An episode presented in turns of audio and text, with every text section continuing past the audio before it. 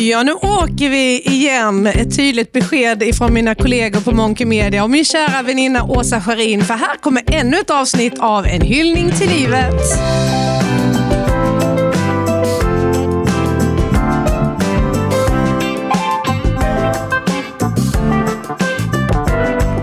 Alltså du, tycker inte du Nej. Vad tycker jag?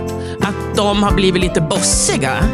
Våra eh, killar Monkey. Media-killarna? Ja. ja, de försöker men vi ska plocka ner dem. ja. Eller vad säger du Åsa? Ja, du vet de sitter och viftar hela tiden med liksom, och lite Peka. kny- pekar Ja, och lite knytnävar och sånt där nu. Helene Wish Persson heter jag och Åsa Farin som... Eh, det är ändå vi som ska bossa det här, eller hur? Ja, men jag tänker att de kanske tycker att vi har tagit eh, för, mycket mycket, plats. plats.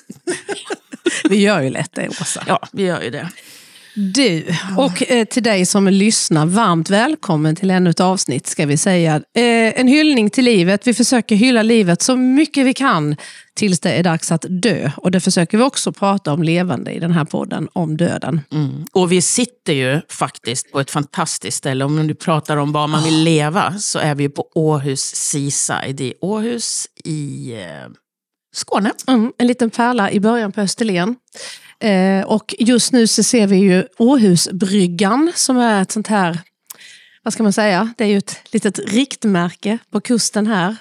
Lite i spillror. Där är män med gula västar och gula arbetsjackor som håller på att bygga ihop den igen. Mm, det har ju varit storm, Babette tror jag den hette. just det, Till och med. tidigare Ja. i höstas. Men här inne är det varmt och skönt och idag så tänkte jag att vi ska prata om någonting som, eller vi ska rikta blickarna mot en, en målgrupp, eller en yrkesgrupp ska jag säga. En yrkesgrupp. Eh, för många yrkesgrupper träffar ju liksom både livet och döden i sina jobb. Jag tänker blåljuspersonal och personal inom vården och så. Men så finns det ju en grupp människor som möter människor i total kärlek. Det kanske var det är spänning, det är nyfikenhet i och för livet framåt. Eh, men man kan också möta människor i sorg. Man kanske precis har mist någon, förlorat en relation och kanske rent av känner liksom att ja, du vet, döden flåsar en i nacken. Och, och den yrkesgruppen jag tänker på, det är mäklarna. För att köpa en bostad är ju någonting av det, det största du gör i ditt liv. Men också att sälja en bostad är någonting av det största man gör i sitt liv. Ja, och det var ju du som kom upp med den här idén, Helene, att vi skulle bjuda in en mäklare. Mm. Eh, Och först tänkte jag, men eh, hur tänkte du nu? Mm. Men sen har vi gått och funderat på det och det är ju helt rätt. Och nu sitter ju en väldigt snygg och trevlig och fantastisk gäst här i, i manlig skepnad. Mm, det gör han. Han är dessutom lite, lite nervös. Jag tror han är lite utanför sin comfort zone. För i sin profession är han ju eh, något av det skickligaste jag har träffat. Ja, han är bäst. Han har ju nästan, hoppas jag, besiktningen är inte klar än, nästan sålt mitt hus faktiskt. Ja, och att du visste att besiktningen inte var klar, det var för att Daniel Samuelsson hotfullt nyss sa att den är inte färdig förrän, vad var det, nästa fredag Ja, eller du kanske ska outa Helena att jag har sålt ditt hus än. Eller visst sa du så Daniel? Jag flydde in i mäklarrollen direkt Ja. och eh, kände att ja, jag är nervös och eh, jag, jag tar på mig mäklarkavajen direkt. Ja, för där är Ska du vi verkligen tryggast. prata om det? Jo, men det är jag absolut. Så är det. Dessutom Åsa, så är ju du och, ja du är ju inte ens Daniel med honom för ni är ju så nära vänner så du kallar honom för något helt annat. Ragge. Och det har jag gjort sedan vi tillsammans för 20 år sedan gjorde Oj, en bok ihop. Tillsammans ihop. Kvinnor vid grillen. Ah, den har Stämmer. jag hemma. Ja, det har du. Ja. rosa bok som handlar om varför det är männen som äger grillandet och hela tiden ska försöka kasta ut oss kvinnor så att vi får bara hacka sallad och vika servetter och så. Och Ragge har fotat alla recept. Ah, det är som fotografen er liksom. För det Det var, var så det faktiskt så började. jag lärde känna dig också när du jobbar i fotobutik i Kristianstad. Jo, men det stämmer. Så är det. Ja. Så fotografintresset det finns kvar? ja, jag hamnade i fotobutiken därför att jag, jag, jag vet inte, i tidiga tonåren tyckte att det verkade spännande med foto. Och så köpte jag en kamera. Och sen praoade jag i fotoaffären. Sen tog det lång tid innan jag kom därifrån. Ja. Och så blev jag fastighetsmäklare.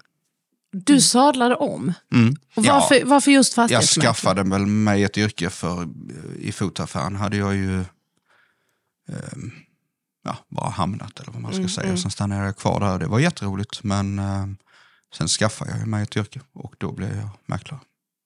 Men varför just 15 år sedan nu. mäklare? Ja, men jag hade nog lärt mig i fotoaffären i alla fall att jag tyckte att det var eh, att jag trivdes med att hjälpa människor. Det var ju inte bara så att eh, ja, men vi framkallade ju bilder och jag sålde kameror och man hjälpte till med. Det var ju på den tiden när det faktiskt fanns kameror som det gick att laga, alltså de var mekaniska och sådär. Det var roligt att hjälpa folk. Och det får- måste jag bara få göra ett eh, litet inspel här och säga just det här med att hjälpa. För att Ragge är ju då min och min sambos tekniske butler. Jaha. Vi klarar, ju Utveckla. i, vi klarar ingenting utan Ragge. När en eh, tv-kanal ska installeras, då får vi ringa Ragge, det kommer han. När vi har bytt dator ringer vi Ragge, kommer han, fixar. Eh, om det är något strul med en mobiltelefon ringer vi Ragge, fixar han. Senast förra veckan så var mitt mejlprogram konstigt och då satt eh, Ragge bara på, ja du fick ju stanna bilen naturligtvis och ställa dig eh, så. Men så fick jag liksom filma och då visa hur det såg ut. såg helt crazy ut på hela skrivbordet. Så Men du kan- du fem kan minuter. allt. Han kan allt. Nej, nej, det kan jag ju naturligtvis inte. Men jag har ju alltid tyckt det var roligt med eh, teknik och det har ju då inte ni tyckt. Nej. Om man nu eh, lite förenklar. Hade jag vetat Ja. detta, om du hade outat detta för mig tidigare så hade faktiskt Daniel också fått eh, hjälpa oss. För att min man är också totalt usel på det. Så grattis din fru, säger jag. Jag tar ju på mig några små sådana här specialuppdrag. Dessutom, men det jag har Därför fått höra från dig Åsa är ju att Daniel är en fantastisk kock. Åh! Så jag väntar ju fortfarande på den där Åh. inbjudan. Alltså du, verkligen, du det- har visat bilder till och med. Ja, det är helt fantastiskt. Alltså, Mm. Och det är ju så att när vi är på middag där så har ju Ragge hållit på minst en dag. Ibland tror jag det börjar dagen innan också. Ja, men det här är så roligt för att vi, vi har ju precis nyligen eh, skrivit avtal då, Daniel och jag och min man. Eh, och sen så sa han typ i, i fredags att Nej, men nu, nu får vi vara klara här för nu ska jag gå och handla för jag ska ha Jonas och Åsa på middag imorgon. Så var det faktiskt. Så var det faktiskt. Ja, titta. Jo, men det är Allting roligt att laga ihop. mat. Ja, Ja, du är fantastisk. han kan mycket men du är mäklare i alla fall. Och om jag, Ja. du hörde min beskrivning här. Eh, du har kanske inte själv funderat på det i de banorna. Men de här människorna du möter inför den här stora affären man ska göra. Visst är det så att de är i olika situationer i livet? Ja men så är det, det är ju som du beskrev det att eh, antingen är det ju liksom lycka eller så är det att man håller på med någon slags förflyttning. Eh, man ska byta stad eller man byter boende eller så är det ju till exempel då att någon har gått bort, ett, ett dödsbo eller så. Så att eh, ja absolut, man möter ju folk i olika ja, men delar av livet. Mm. Vilket är, ja, det är ju klart en dum fråga, för det är såklart att, att möta eh, glädjen i ditt jobb är ju lättare om det, det är positiva anledningar man köper eller säljer. Men det finns ju som sagt de där andra stunderna som är lite tyngre. Hur, hur går man in i den? Är det någon skillnad? När du tar på dig mäklarkavajen. Ja, men det är det väl. Um, jag tycker ju att det är så att um, yrkesrollen är, är ju lite av en... Ehm, man går ju verkligen in i en roll, eller jag går verkligen in i en roll och eh, trivs väldigt bra med det. Därför att vissa av de här situationerna, med till exempel personer där någon har gått bort eller så, det hade jag nog tyckt var ganska jobbigt att hantera om det hade varit Daniel, privatpersonen. Men som mäklare så ehm, i den rollen så, ehm, så trivs jag bra. Därför att man får vara den pragmatiska och den som ja, men hittar lösningar. Och, och som kanske till och med helt och hållet kan hålla sig borta från sorgen. Och det är väl det som folk kanske önskar att man, att man gör i en sån roll. Så att jag trivs väldigt bra med det, har inga bekymmer med, med de sakerna. Men- Sånt som jag kanske skulle ha bekymmer med som Nå, Om du, om du inte, ja, så verkligen, du, du tar, går in i den rollen när du bokstavligen nog tar på dig kavajen och har lättare att hålla de känslorna utanför på något sätt. Ja, ja. Mm. Är det till och med, förlåt eh, Ragge, är det till och med så att, eh, jag vet ju att Helen kom på idén att vi skulle ha med dig som gäst. Och jag blev förvånad först och tänkte, men vänta nu, vad då? Blev du också det när Helen liksom sålde in det, om man säger? Eh, Det jag egentligen frågar är, tänker du själv på, okej, nu är det en Eh, ett dödsbo som ska hanteras eller någon som ska flytta för att någon har dött kontra nu är det några som flyttar in för att de precis har fått ett barn eller de ska bilda familj och liksom glädjen och så. Tänker du på det? Nej, det tror jag inte att jag gör. Det går ganska automatiskt. Alltså, um, um, däremot så tänker jag ju på att nu är jag ju fastighetsmäklare, nu är jag inte privatpersonen. Och nej, jag tyckte egentligen inte att det var konstigt när du sa det, Helene, eh, med idén, därför att du la fram det på ett sånt sätt som att ja, men en fastighetsmäklare har ju liksom eh, angreppspunkter här på det som vi spelar in podd om. Så att, eh, nej, det tyckte jag inte var så konstigt. Däremot tyckte jag att eh, jag blev nervös direkt och kände oj, oj, oj, hur ska ja. jag nu hantera detta? Jag har aldrig blivit För intervjuad. nu är du mer privat ja, det, Daniel ja, här. precis. Liksom. Ja, exakt. Men har du själv varit med som privat Daniel att vara med och avyttrat en bostad för att, det har kommit, eh, för att döden har kommit in? Eller för att en skilsmässa har kommit in? Eller? Ja, det har jag. Ja, det har jag. Eh, min farfar bland annat, när hans lägenhet såldes, eh, var jag väl inblandad på ett hörn. Mm. Jag har ju en väninna också som precis har sålt sin, eh, eller varit med och sälja sin mammas eh, lägenhet, eller hus rättare sagt. Och det är ju, jag har ju inte upplevt det, det har Åsa upplevt. Mm. Och det är ju ganska jobbigt för de närstående som är kvar. Mm. Och nog vill man då kunna bolla liksom, och känna att ibland kanske det är skönt att fastighetsmäklarna är väldigt neutral och bara håller sig till, till det den ska göra. Men också att den förstår att det här är så himla jobbigt. Och, och att man får kanske bryter ihop och blir ledsen och, och sådär. Ja, då vill jag bara säga en sak. Att jag har faktiskt också varit med om någonting som var jättejobbigt. Och det var när Ragge gjorde sig av med sin lägenhet inne i stan och köpte ett hus 20 minuter utanför. Jaha, Som man måste ta tåg till. jag fattar. Alla trevliga AVs och sånt som vi kunde ha spontant försvann.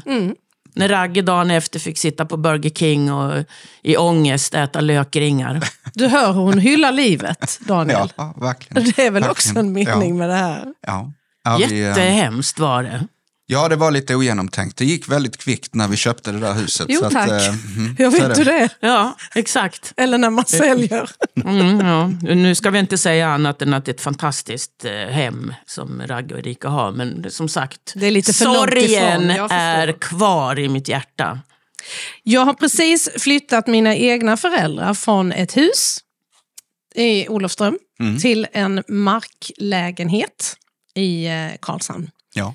Eh, och de eh, lever ju i allra högsta grad. Men de är ju lite äldre. Och om, man- om man tänker ju, nu har ju de varit väldigt tydliga med att men nu ska vi förenkla det för våra barn och vi ska liksom rensa upp så inte de behöver ta hand om en massa saker när det väl är dags och så vidare. Men eh, de situationerna tänker jag, där, där, där kommer ju du in som en mäklare i, i mångt och mycket. Mm. Och, och, men du, har du liksom samma, vad ska jag säga, Nej, jag tycker... Tar du reda på det innan? Vad, vad är det här för, för människor och hur mår de? Ja, men det gör man väl i den mån det går.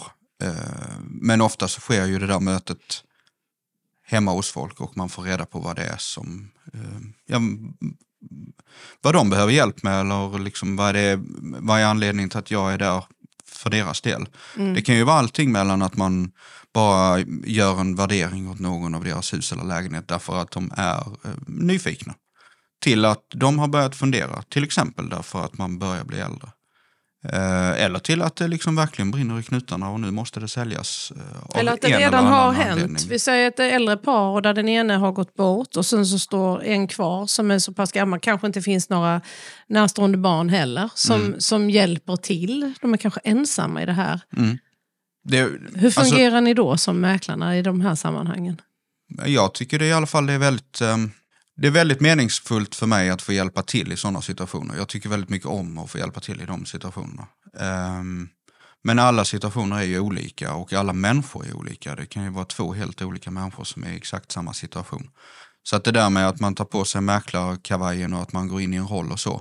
Ja men det gör man men det handlar ju inte om att man eh, gör likadant eh, i varje situation. Utan eh, varenda människa man träffar är ju eh, en ny. Mm, Man har mm. en kort stund på sig. Jag har en kort stund på mig att göra en, ja, men någon slags bedömning av hur ska man hantera det här. Men det brukar ändå koka ner i att de flesta vill ju att man är ärlig och rak och att man är pragmatisk och försöker förstå vad det är de behöver hjälp med och sådär. Och eh, man har rätt mycket diskussioner med, med äldre. Eller kanske inte ens de som är så gamla att de behöver lämna det boende de har nu. Men där det ändå rådet är att ja, men tänk nu att det är kanske bättre att lämna detta boendet med en trappa ner till källaren och en trappa upp till övervåningen. Och göra det för tidigt istället för att ni måste göra det när ni blir tvungna. För då helt Exakt. plötsligt är man ju i en situation där, där man inte kan välja vad man ska bli av sen. Och eh, den typen av diskussioner är mycket, tror jag är mycket lättare att ha när man är i en, liksom en yrkesroll. Än vad det till exempel är för dem att ha med sina barn eller släktingar. Eller vem de nu För där kan med. det ju bli tjafs. Ja, Ja, mycket känslor kommer ju in i bilden där och det, det, Ja, det behöver ju inte du Nej. ägna dig åt. Men kan det vara barn som håller i en fastighetsaffär och så kommer inte de överens så får du gå in som någon slags... Eller har du blivit inblandad i sånt någon gång? Eh, Att, de, att inte folk är överens? Ja. Nej, men, Ja, det var väl senast i förra veckan. Nej, det är klart att folk inte är överens. Och ehm, det är väl inte ovanligt till exempel när det är en försäljning av ett dödsbo att eh, då barnen som, som är dödsbodelägare inte riktigt har Ja, men samma, de kanske inte är på samma plats i, liksom i den här sorgen eller vad man ska kalla det. Nej, nej. Och de kanske inte heller har samma uppfattning om vad det är som ska göras. Och olika uppfattningar om eh, pengar och eh, ja, sådär.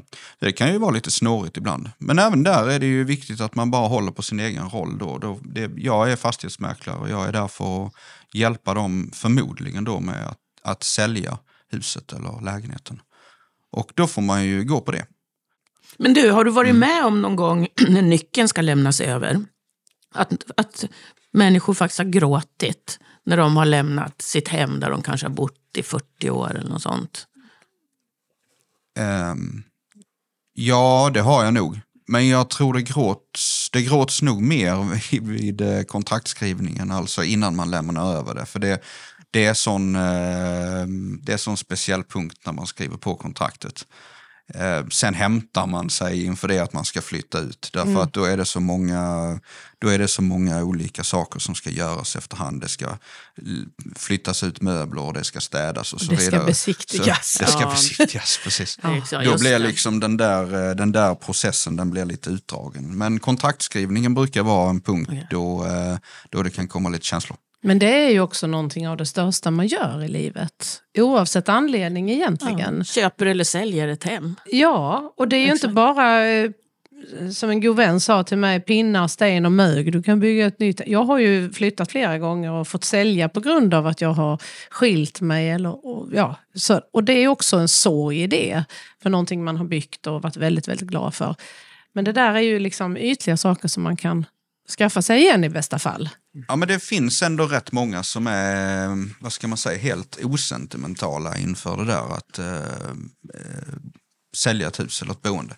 Och som helt enkelt bara eh, gör det många, många gånger i livet. Och när man träffar på dem så märker man ju att de har en annan inställning till livet överhuvudtaget. Eller ska man inte dra för långa slutsatser. Men eh, som kanske har flyttat både 10 och 15 gånger. Och renoverat och renoverat Ja, ja, och visst. renoverat. Då För dem får man det ju inte lite- samma känsla heller som om man hade bott i 40 år. Nej, då är det bara Kanske. ett eh, boende och man flyttar vidare. Men det kan man ju också vara avundsjuk på något sätt. eh, eh, Därför att nog likas... Nu vet jag inte var jag är på väg någonstans med det här. Men likadant att eh, det kan vara spännande med någon som kan göra på det viset. Lika mycket som att eh, det är tråkigt att se de personerna som kanske har bott hela sitt liv på ett ställe men som kanske egentligen hade velat flytta på sig. Ja. Eh, och det är inte helt sällan att man kan se att att den ena i en relation kanske är en sån som hellre hade flyttat på Lite sig. mer modig än Lite mer modig än den Mm, andra. det ja. kan man ju träffa på ibland. Det kan ju Ja, kännas lite jag. sorgligt naturligtvis på ett personligt plan när man träffar någon som ska sälja sitt hus när de är 80 och en ville gjort det för 25 år sedan. Ja. Det är ungefär som när min Jonas säger att ja, nu måste vi måla om. Det har han sagt de senaste sju, åtta åren. Och jag får panik för jag vet inte vad man gör av alla möbler när man ska måla om invändigt. Så det har liksom inte blivit något. Och jag tycker det är fortfarande jättefint. Och Jonas säger hela tiden, alltså, kolla på de här jäkla väggarna.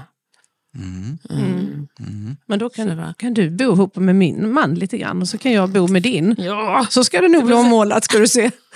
Mm. Ja, men där, utom- är, där är man ju olika, absolut. Ja, jag fattar bara inte vad man gör av tavlor och möbler och sånt när man ska måla om. Detta var en parentes, men jag kände att jag behövde få det ur mig. En, om vi nu pratar om Jag livet. känner i och för sig igen mig i det. Därför att jag tycker att nu har jag ju då renoverat i det här huset i, i Vinslöv. Jag och, och min sambo har gjort det under ett antal år. Och personligen Ja, förlåt, tycker jag, jag sa fru innan, men ni är sambo. eh, ja. Ja. Och ehm, problemet tycker jag är att man ehm, eh, arbetar mot ett mål och för mig är det målet att en dag är det färdigt. Men när det väl är färdigt så föreställer jag mig nog att det är, sen är det så för evigt. Ja, precis. Men det är det ju inte. Utan Jo. sen får man ju börja om igen. Ja, Mm. så är det. Det är en pågående process hela livet. Ja, Och kanske Hela att just resan dit till målet är, är grejen. ja. Du, vi pratar om livet och döden såklart i den här podden och i, i en fastighetsaffär. Har du någon gång inträ- eller upplevt eller varit med om att, att eh, personen i fråga hinner dö innan allting är klart? Alltså jag tänker från kontraktskrivningen och sen så, så går det en tid och sen så hä- händer det någonting eller att, att paret har skilt sig eller alltså, Jo, jo, men det har jag Är varit du med? om. Du vet vad jag är på väg. absolut. Mm. Jag har varit med om eh, egentligen Olycka. allt det du beskrev. Eh, men ett antal gånger att någon har dött mellan kontraktskrivningen och tillträdet. Ja, men jag har varit med om någon gång också att eh, ganska så omgående efter att eh, huset är tillträdet och, och så, så dör en eh, av parterna. Mm. Precis som att den här processen liksom, den skulle få bli färdig och sen, sen orkar man sen lämna åker in. Man, eller, Ja. ja. Ja. Man håller i alla fall ut så länge man kan. Ja, precis. Ja, ja, det, Eller vad det nu ja, är Ja, som kallar på en. Men jag tänker det här med ledsamheten, Åsa. Eh, det var jag ju jag med om. Det- Det huset som vi nu håller då på att sälja, när vi köpte det för x antal år sedan så, så eh, de som lämnade över till oss, Mm. hon var ber- väldigt berörd under just själva den här kontraktskrivningen. För att hon älskade sitt hus så pass mycket. Där jag då var den som fick nästan hålla om och, och eh, förklara. Då satt, då satt man på banken och gjorde det här. Så det var, det var till och med då kanske när vi gjorde själva pengaöverföringen. mm, Tror Ja. jag. Ja, oavsett. Så fick jag förklara då för henne att ja, men jag, jag ska göra mitt yttersta för att ta hand om det här huset. Alltså jag, jag kände så med henne. Mm. Där hade barnen växt upp och det var liksom en stor del av deras... Den här tiden i livet när man skapar så mycket. Man bygger sin karriär, man får sina barn, man är med dem hela livet. Alltså det är ju den här perioden på 20, 25, 30 år i livet som är väldigt viktiga. Så att, och där infattades ju det här huset. Så Ja, det, var, det var en fin stund och jag kände, kände så med henne. Men det är ju spännande med eh, människor för att vissa är ju helt osentimentala eh, inför kanske att sälja sitt hus eller, eller eh, för många saker i, i livet, vad vet jag. Att nej, det är bara ett hus, vi bara bor där nu ska vi sälja det, det är inte mer med det. Och sen finns det då de som, hon som du då köpte av, som jag förmodar har lagt ner sin själ när de byggde huset och eh, har gjort en massa val och varit med i hela den processen. Och, och som kanske, det är lika viktigt, var kanske lika viktigt för henne att någon tog över huset som hon tyckte om. Som att det blev exakt precis de pengarna som Det de var hade tänkt sig. precis så det var. Det var hon som var anledning till att vi fick köpa det faktiskt tror jag. Mm. Jo, och det är inte Han var mycket mer liksom, han, det, det var business. Mm. Han ska ha vad han ska ha. Men jag minns ju den, den gången jag fick sälja mitt hus eh, på grund av en skilsmässa. Och då hade jag byggt mitt hus. Mitt säger jag, det var ju hans också. Men, men du vet, det var, Alltså jag var så ledsen. Jag var nästan, hoppas han inte hör detta nu, mer ledsen över att sälja huset än att förlora honom. Jag låg liksom i panik och kramade mina kl- kakel, klinkergolvet i köket som jag hade lagt. Jag hade lagt ner så ett och ett halvt, två års tid av mitt liv alla dessa valen. Och sen bara puts skulle det väck. Alltså det var förfärligt. Men, men sån är jag. Ja, Ja, det är tur inte alla är såna. Nej, men det är ju som Ragge säger, man hanterar ju saker olika. Sen kan det ju också vara att vissa döljer sina känslor genom att verka väldigt rationell och så. Det vet man ju inte heller. Nej, nej, och alla är ju helt olika. Det är också det som är det spännande. Ju. Ja. Du, jag var inne på, på, eh, på nätet och kollade på lite olika roliga berättelser från livet som mäklare. Mm. Eh, här är en berättelse om en som verkligen ville betala kontant. Mm. En gång ringde en kund, säger denna mäklare, och innan tillträdet och frågade de om han kunde ha med sig köpeskillingen på cirka 2 miljoner i resväskor till tillträdet eftersom det stod i avtalet kontant eller lån. Och han skulle inte ta lån. Alltså, att komma med cash. Har du varit med om det någon gång? Eh, nej, det har jag inte, därför att det, det går inte. Man, eh, man får inte det. Alltså, så Inte länge- idag väl? Nej, inte Ja, men idag. folk som sparar i madrassen tänker jag. Så samlar man ihop det och kommer till, Ja. till mäklaren. Jag har varit med om någon som ville betala handpenningen eh, kontant. Det är länge sedan nu, men det går inte. Alltså av olika skäl, bland annat lagar, så går det ju inte. Vi får, kan ju inte hantera pengar på det viset. Eh, jag um, ehm, skulle aldrig ta emot några, eller ha handskas med några kontanta pengar överhuvudtaget, utan då, då måste jag liksom, um, ja, Uh, det kan man inte göra. Det får man inte. Här är nä- nästa historia. Eh, jag sålde en lägenhet i Eriksberg i Göteborg. Säljarna skulle separera. Och han var helt förstörd. Verkligen helt förstörd. Lägenheten var trögsåld men plötsligt så kom en tjej från Skövde och köpte den. Inför tillträdet hade jag fullmakt för den ena säljaren så det var mannen som skulle företräda kvinnan. På tillträdet kom säljaren och köparen tillsammans. Ja, ja, tänkte jag, de kanske möttes utanför. Eh, på tillträdet frågade jag alla standardfrågor om att allt hade gått bra kring flytten och så vidare. Och då svarar mannen att ah, jag har inte flyttat ut än. Han som hade varit så förstörd i separationen hade mellan kontrakt och tillträde blivit tillsammans med sin köpare. Hon hade kommit dit för att mäta strax efter kontraktskrivningen. Och sen dess har hon inte lämnat, för det sa klick. Ja, där ser man. Är det inte gulligt? Ja, detta är ju Kärlek. fantastiskt. Alltså har du varit med om något Nej det, det, nej, det vet jag inte om jag har varit med om. Det kan man ju ha. De kanske mörkade det för mig. Men nej, det, har jag, det känner jag inte igen. Men det var ju ganska roligt faktiskt. Ragge, då har ju det, du det kvar på din lista faktiskt. Ja. Över märkliga sälj och köpsituationer. Ja, eh, ja precis. Ja, det var ju lite Jag läste också, ja, det, det är hur mycket roliga historier som helst, men det var ju någon som hade ju, de kunde ju knappt fotografera lägenheten för att den, den, eh, den kan ju se ut, på, eller hus var det väl i detta fallet, ute på en gård. Det kan ju se ut på många sätt såklart. Eh, allt ifrån det pedantiska till miss, såna här samlarmänniskor som finns och så. Men den här tjejen hon hade haft väldigt mycket djur på gården men hon hade haft också djuren inne i huset. Och bland annat en gris. Det Ja. var ju inte en minigris utan det var en Riktig. jättestor gris som hade bott där så det gick ju inte att fotografera. Nej. Alltså har du kommit till eh, ett, en bostad där du tänker okej, hur ska jag kunna sälja den här? Hur? Och kan jag ta av mig skorna? Eh, ja, absolut. Det är massor med sådana dråpliga historier. Men om, ehm, om man kommer till ett ställe där man känner att hur ska jag kunna sälja det här, då är det ju kanske bättre att tacka nej. För att om man ser att det är så skitigt eller så äckligt att man inte tror liksom. ehm, någonstans vill man ju att de ska göra i ordning detta och ser det ut som det gör nu då är det ju inte så troligt att de kommer att göra i ordning detta inför försäljningen heller och då är det väl kanske lika bra att tacka nej. Men eh, absolut, ta av sig skorna. Ehm, gör man inte alltid. Det är ju faktiskt bara i Sverige vi gör det nästan i hela Ja. världen. ja. Men jag har fått skor förstörda av hundar och eh, Alltså som har bitit på? Absolut. Eh, hundar kan ju vara jobbigt framförallt, tycker jag. Inte för att jag har något emot hundar, men, men man blir liksom störd. Eh, Man blir störd i sitt arbete av att man ska hålla på. Det är en distraktion. distraktion som kan vara komplicerad därför att man träffar en eller två eller tre personer som man ska försöka på kanske en, en och en halv, två timmar försöka stå sig, förstå sig på och som man ska ställa eh, frågor till om man vill veta vad deras situation är och så är det bara hunden som tar eh, All fokus. Liksom. uppmärksamheten. Så hundar kan vara svårt. Men det där med att ta av sig skorna, i, eh, det märker man ganska kvickt om man ska göra det. Kaffe dricker jag alltid. det gjorde du oavsett, hemma hos eh, mig. Ja, ja absolut. Gjorde han det? Ja. ja det, kan- det kan jag tänka Det vore mig. väl konstigt om jag inte snyggt. gjorde det. Ja.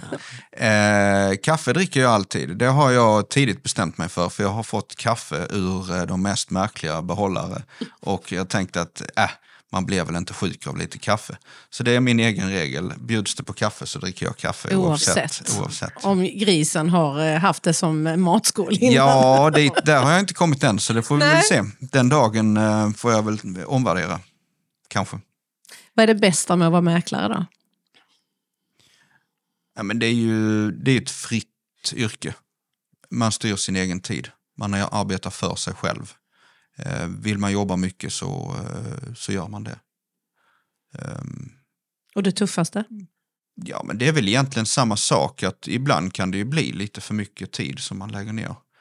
Det är svårt att balansera det där.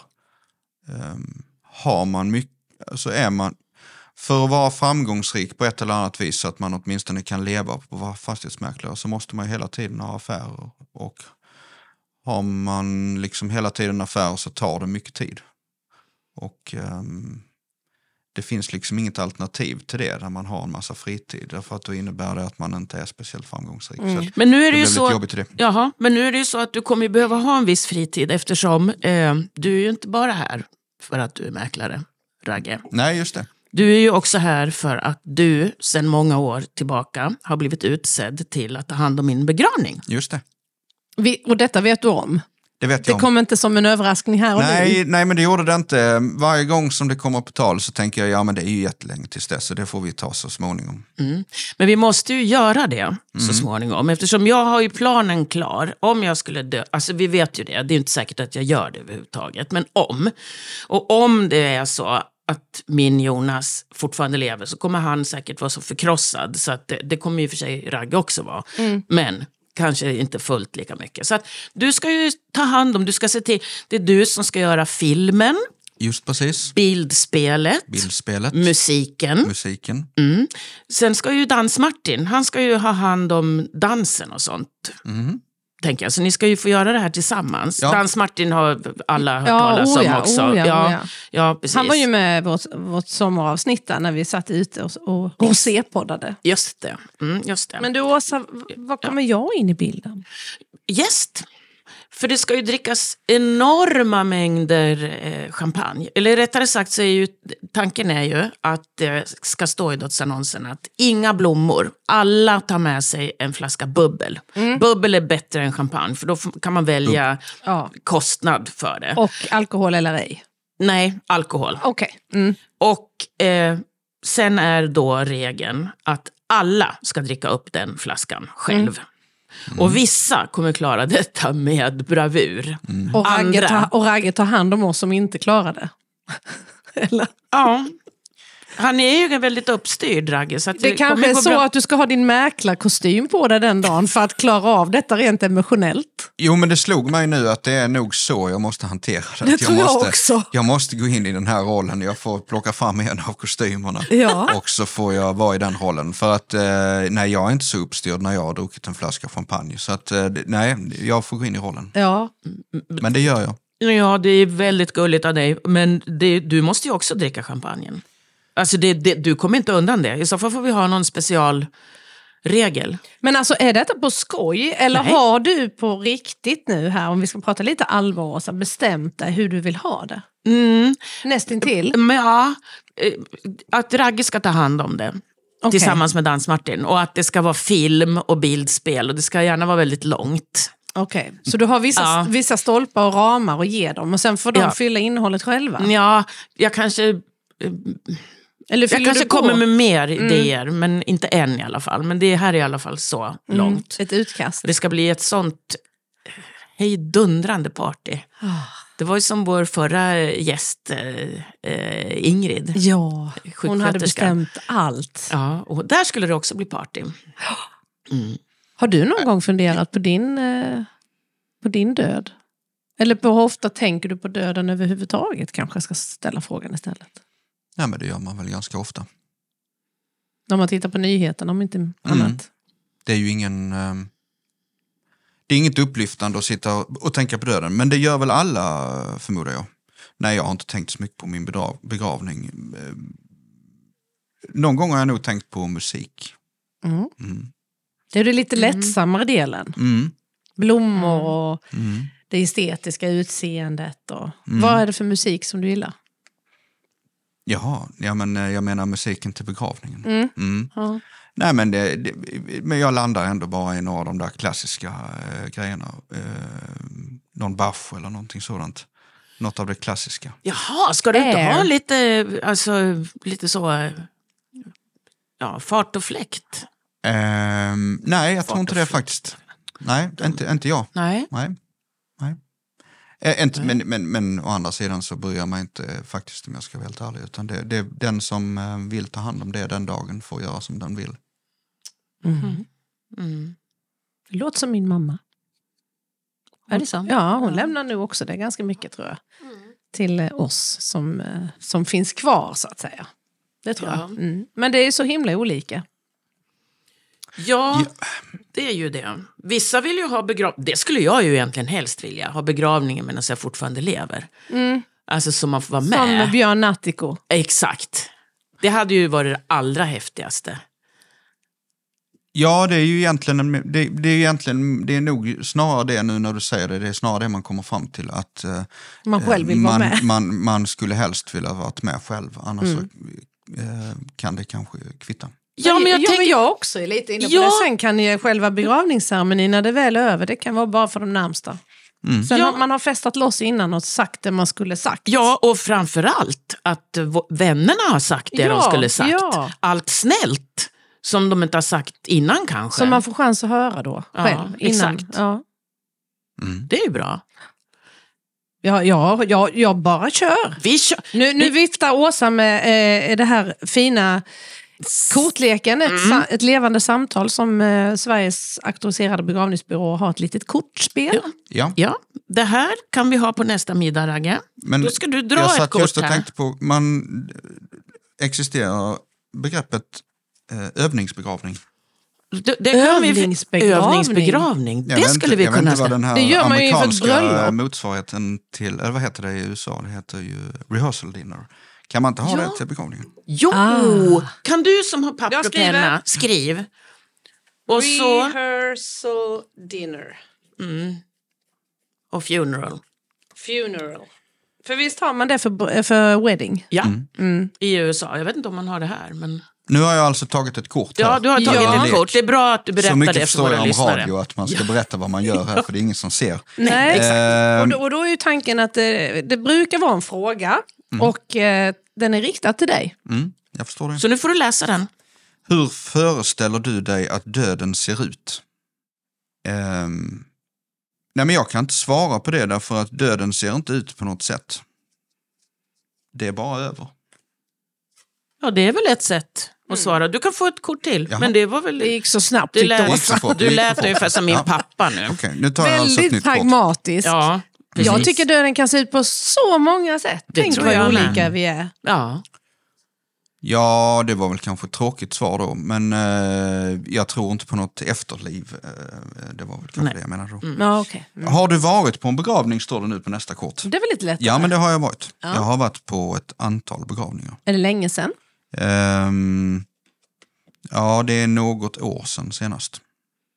Var det tufft? Vissa är tuffa, vissa är lite lättare. Men alla är ju tuffa, men några utmärker sig. Ja, det har, ju, alltså det har ju varit mor och farföräldrar som jag har varit på begravning för. Och det är klart att det är tufft. Men dina föräldrar lever. Ja, Mm. Så både du och jag har det värsta framför oss kan man nästan säga. ja. Mm. Men man, man måste ändå på något vis eh, använda sig av den stunden och försöka ehm, vara lite lugn och vara lite eftertänksam. Det är nog så jag har tänkt på det, åtminstone de sista gångerna jag har varit på begravning. Mm. Eh, sen är det för länge sedan för att jag ska komma ihåg exakt. Men eh, att man tar tillvara stunden på något sätt. Mm. Ja, men så är det. Och det är väl poängen med det såklart. Ja. Ja, det är ju det. Ett sista farväl och så en tur att vi får ha det. Eller hur? Ja, verkligen. Och det här samtalsspelet, ett levande samtal, det måste alltså, jag, jag måste kolla om På det nästa är så middag. På, nä, på nästa middag. Nej men alltså om det är så att vem som helst kan gå in och köpa de här. För att det här, det här skulle jag ju varmt rekommendera. Att man Jag hade. får ta ett till. Ja, du, ja, det är klart att du får. Titta, Du ser. nu blev det spontant här. Ordentligt. Oj, vilket är det bästa sättet att dö på? Det pratade vi om i förra avsnittet, kommer du ihåg? Mm, det gjorde vi. Mm. Typ knall och fall eller att man eh, li, eh, liksom har tid Du att... får så mycket tid så att du hinner. Ja, men eh, Planera, knall och fall måste väl ändå vara eh, ehm, liksom f- själva förutsättningen. Jag tänkte mer i detalj. Aha! Eh, nej, men, nej, men knall och fall. Knall, nej, knall och men, fall eh, i sängen, eh, knall och fall i trafiken, knall och fall på jobbet. Nej, men det absolut enklaste hade väl varit för en själv om det hade skett eh, när man sov. Utan någon eh, Ja, vidare omsvep, utan någon några utan krusiduller. några krusiduller, utan att man eh, mådde dåligt av det. Mm. Var frisk när man gick och la sig och sen... Ja, man får ju hoppas att man vaknade. blir gammal. Mm, det är precis det, är det enda vi kan göra. Ja, Ja. det var jättefint att ha det här Daniel, men det är ju så att vi har ju en tid att passa. Hur är det i Ja. ditt jobb? Du har också mycket tider och, och upp, Ja, liksom uppstyr. Dagarna är uppstyrda. Ja. Ja, Men du absolut. gillar det? Ja, men det gör jag. Det är också... ehm, ja, jo men så är det. Det är en timme här och sen så har man 20 minuter till nästa ställe och Mm. då ska man vara där i tid och så vidare. Och det är viktigt att man håller på det. För håller man inte på det så blir det ju allting eh, löst och ledigt. Liksom. Och det är också en mäklarroll. Roll. Mm. Eh, Är, du, är Daniel kan man nog Samuelsson vara- utan mäklare? Är han likadan? eh, nej. Nej. inte riktigt. Det är han nej, inte. Vad Nej. Då spännande. kan han till exempel missa planet hem från Milano för att han har glömt ta med sig passet till flygplatsen. Va? Det skulle jag aldrig gissa. Jo, Eh. När vi hade tryckt Kvinnor vid grillen, Ragge och jag, Ja. var vi där. Mm. Mm. Det var väl inte ens så, utan det var ju till och med på det viset att jag hade gömt passet. Eh, För att slippa åka hem. Ja, vem gömmer ett pass när man bor på ett lyxhotell i Milano? Men av någon anledning så gömde jag passet. Och jag gömde det på alla ställen Så du glömde vad i det var? min resväska. Så att jag hade, hela pass, jag hade passet med mig hela tiden, hittade när jag kom hem. När jag sedermera kom hem Mm. efter att ha fått ett, ta ett annat plan. Åka tåg i hela Danmark. Åka båten mellan Helsingborg och Helsingör och bli hämtad av en kompis mitt i natten. Så hittade jag resa. Passet när jag kom hem. Men jag gillar detta, för alltså, hade du varit så uppstyrd och pragmatisk i hela alltet så, så hade jag blivit lite nervös. Då hade jag velat ruska om dig. Så det känns skönt att det finns två sidor. Men som profession så är, är du verkligen... Eh, du har ju rätt, du har valt rätt jobb. Ja, men det tror jag nog. Ja, men det tror jag nog. Det var mer en chanstagning att jag blev fastighetsmäklare. Men eh, det känner jag att det är rätt. Och framförallt därför att ehm, det här med att vara uppstyrd och så, det är bara en följd. Det, är bara så att det är det jag har kommit fram till att man måste vara. Mm. Eh, det som däremot råkade passa, det var ju det, var ju det här att man får hjälpa människor. Att, ehm, det tycker jag genuint om att göra. Mm. Och Det har du sagt flera gånger idag och jag vet att det verkligen är sant. Det är din livsuppgift. Och med de orden mycket. tycker jag att vi, eh, vi tackar Daniel så jättemycket för att du ville komma hit. Och det här klarade du hur bra som helst. Hur Fast är det det var med de- utanför ditt comfort zone. Ja, precis. Hur är det med deodoranten? Har den spruckit eller är den fortfarande Nej, någorlunda det hel? känns rätt okej, men jag får, väl, jag får väl ta och titta efter. Nej, det känns okej faktiskt. Vad bra. Men jag brukar inte bli nervös på det viset. Härligt. Tittar du efter så Åsa kan väl du och jag konstatera att det är alltid lika härligt att, att ses. Och tack till dig som har lyssnat framför allt. Och Ja. vi hörs ju igen. Vi hörs ju hela tiden igen. Så ta hand om dig. Detsamma. Och er också. Ta hand om er. Tack så mycket.